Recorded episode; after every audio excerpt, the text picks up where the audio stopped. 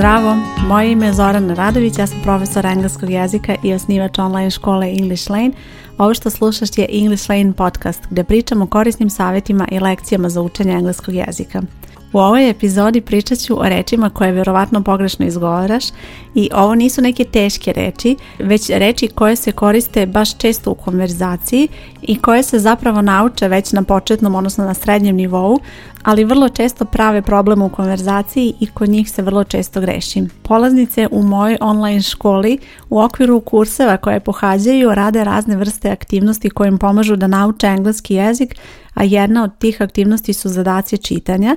U okviru zadatka čitanja one imaju zadatak da pročitaju tekst i da urede to najbolje što mogu u tom trenutku, a ja preslušam taj zadatak i dam im povratnu informaciju o tome kako su izgovorile koje reči i da li eventualno treba dodatno da uvežbaju neku reč. Tada sam primetila da postoje određene reči koje mnogima prave problem, iako meni možda ne deluju teško ili možda čak i tebi neka od ovih reči ne deluje teško i čak možda i misliš da znaš kako treba da se pročita, ali je ovo nešto što sam primetila da zapravo mnogima stvara nedomicu i vrlo često kvari malo izgovor, zato što se recimo ne izgovori taj jedan glas pravilno i odmah daješ utisak da ne znaš baš lepo da izgovoriš tu reč. Preslušaj sada reči i proveri da li znaš ti da ih sve lepo izgovoriš i da li znaš da izgovoriš pravilno glasove koji se javljaju u tim rečima. Prva reč je 90, to je broj 90, 90 tako se izgovara reč i ono što je obično problem kod ove reči je taj drugi glas n, vrlo često se čuje najti u izgovoru, a to nije pravilno jer ima i drugi glas n koji treba da se izgovori. Ninety. Probaj sa mnom da izgovoriš. Ninety. I u nastavku ove epizode probaj svaki put kada ja izgovorim neku reč da i ti izgovoriš i da na taj način vežbaš. Sljedeća reč je other. Other. Ova reč se obično čita pogrešno i vrlo često su problem različiti glasovi. Nekada je recimo other problem da taj prvi glas koji treba da bude a, nekada je problem glas the koji treba da bude the, a nekada bude the, other, nije other nego other, other. Probaj da obratiš pažnju, znači na početku je a, a posle je the. Ponovi sada posle mene, other. Sljedeća reč sam. Ova reč u pisanju ima o i to je nešto što mnoge natera da pročitaju o, a treba baš čisto a. Sam. Sam. Vrlo često da se dešava da ne obratiš pažnju na taj jedan glas i mnogi kažu som, a treba sam. Probaj i ti sada da izgovoriš. Sam. Sljedeća reč je that. Ova reč je problem, opet ima dva glasa. Prvi glas je the, koji je malo problem izgovoriti, probaj da uvežbaš, znači nije baš to klasično d, nego d. I drugi glas je e, znači nije e, nego e, to je kombinacija glasova a i e. Postoji čak i posebna podcast lekcija gdje pričam o tome kako da izgovoriš glas E i ostavit ću link u okviru ove epizode da možeš da preslušaš dodatno i da uvežbaš izgovor tog glasa. Probaj sada sa mnom. That. Znači nemoj reći that, nemoj reći that ili that, već that. Sljedeća reč je have. Opet imamo glas e koji je između a, između e i nije potrebno da pročitaš a, odnosno e. Znam da mnogi to prvo izgovore have, have, ali bitno da izgovoriš e. Have. Sljedeća reč, opet imamo glas e koji možda ne očekuješ u ovoj reči i obično svi kažu uglavnom a, u pitanju je reč travel, u pisanju postoji slovo a i onda mnogi izgovore travel, ali treba travel, travel. Ponovi za mnom, travel. Sljedeća reč sigurna sam da znaš kako se čita, ali sada ću ti reći da obratiš pažnju na nešto i onda sad razmisli da li si zaista pravilno izgovarala ovu reč. U pitanju je reč pencil. Mnogi izgovore ovu reč pencil, kažu na kraju il, pencil, ali to nije pravilno, pravilno je pencil, s, l. Nema i u izgovoru, iako ga ima u pisanju. Probaj sada da izgovoriš sa mnom. Pencil. Sljedeća reč jeste teška za izgovor, posebno početnicima i dosta vremena treba da prođe da neko nauči da izgovori ovu kombinaciju glasova. Znači glasovi pojedinačni nisu problem, ali je njihova kombinacija teška. Flower. Obrati pažnju kako se piše reč flower. U pisanju postoji slovo W koje je samo u pisanju tu koga u izgovoru nema, tako da odmah u startu zaboravi na glasove W, V, bilo šta od toga što želiš da kažeš, toga nema u ovoj reči. Zato poslušaj ove glasove. Ide F, L. Onda su sljedeći glasovi A, U, E. Our. Flower. Na kraju postoji glas R koji se izgovara u američkom, u britanskom se izostavlja, koristi se u nekim rečima, može da se doda, ali bitna je kombinacija glasova A, U, E. Flower. Probaj sada sa mnom. Flower.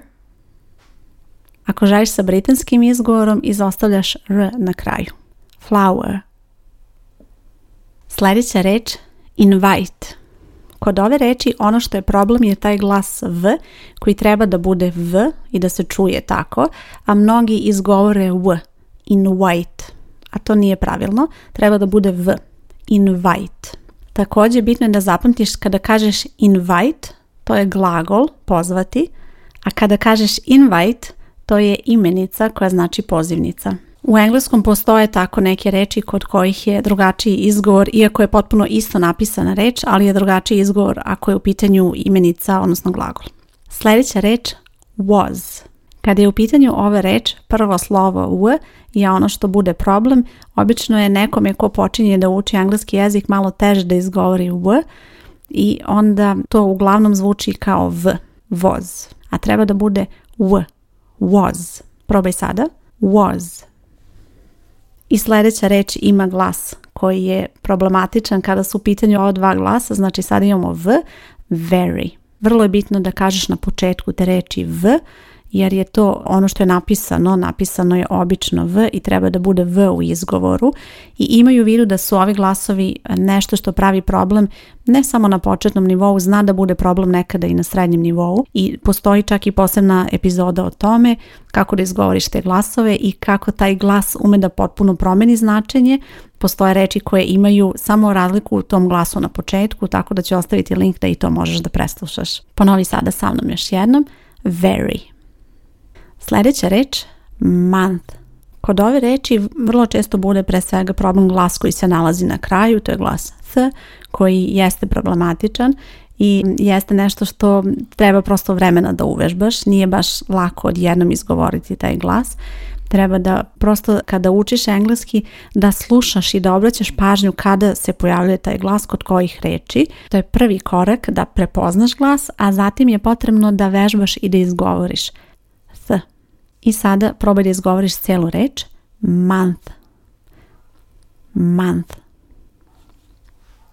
Sljedeća reč je reč koja se dosta često koristi, a dosta često zvuči nepravilno kada je ljudi izgovore i to samo zbog ovog jednog glasa koji znam da vrlo često neki čak i kažu da je najteži glas koji treba da se izgovori u engleskom za one kojima engleski nije materni ne znam baš da li bi se složila, ali jeste malo teži glas. U pitanju je er i reč work. Znači, kod te reči imamo glas koji se tako izgovara, kao recimo da izgovoriš onaj član e, samo produžiš e. U britanskom engleskom nema glasa r, a u američkom ima work ili ćeš reći work. Sljedeća reč je reč go, kod koje imamo kombinaciju glasova e, u i kod ovog glagola je bitno da ne izgovoriš samo o jer to onda ne bi bilo tačno, a to je nešto što se vrlo često dešava na početnom nivou, tako da probaj da uvežbaš taj glas. Inače ti glasovi se zovu diftonze i oni se često javljaju kada je u pitanju fonetska transkripcija, tako da je bitno da uvežbaš i kako da izgovoriš pravilno te glasove. Sljedeća reč je reč apple, Kod ove reči je vrlo često problem glas E koji se nalazi na početku i probaj zato da izgovoriš tu reč razmišljajući usput o tom glasu. Apple.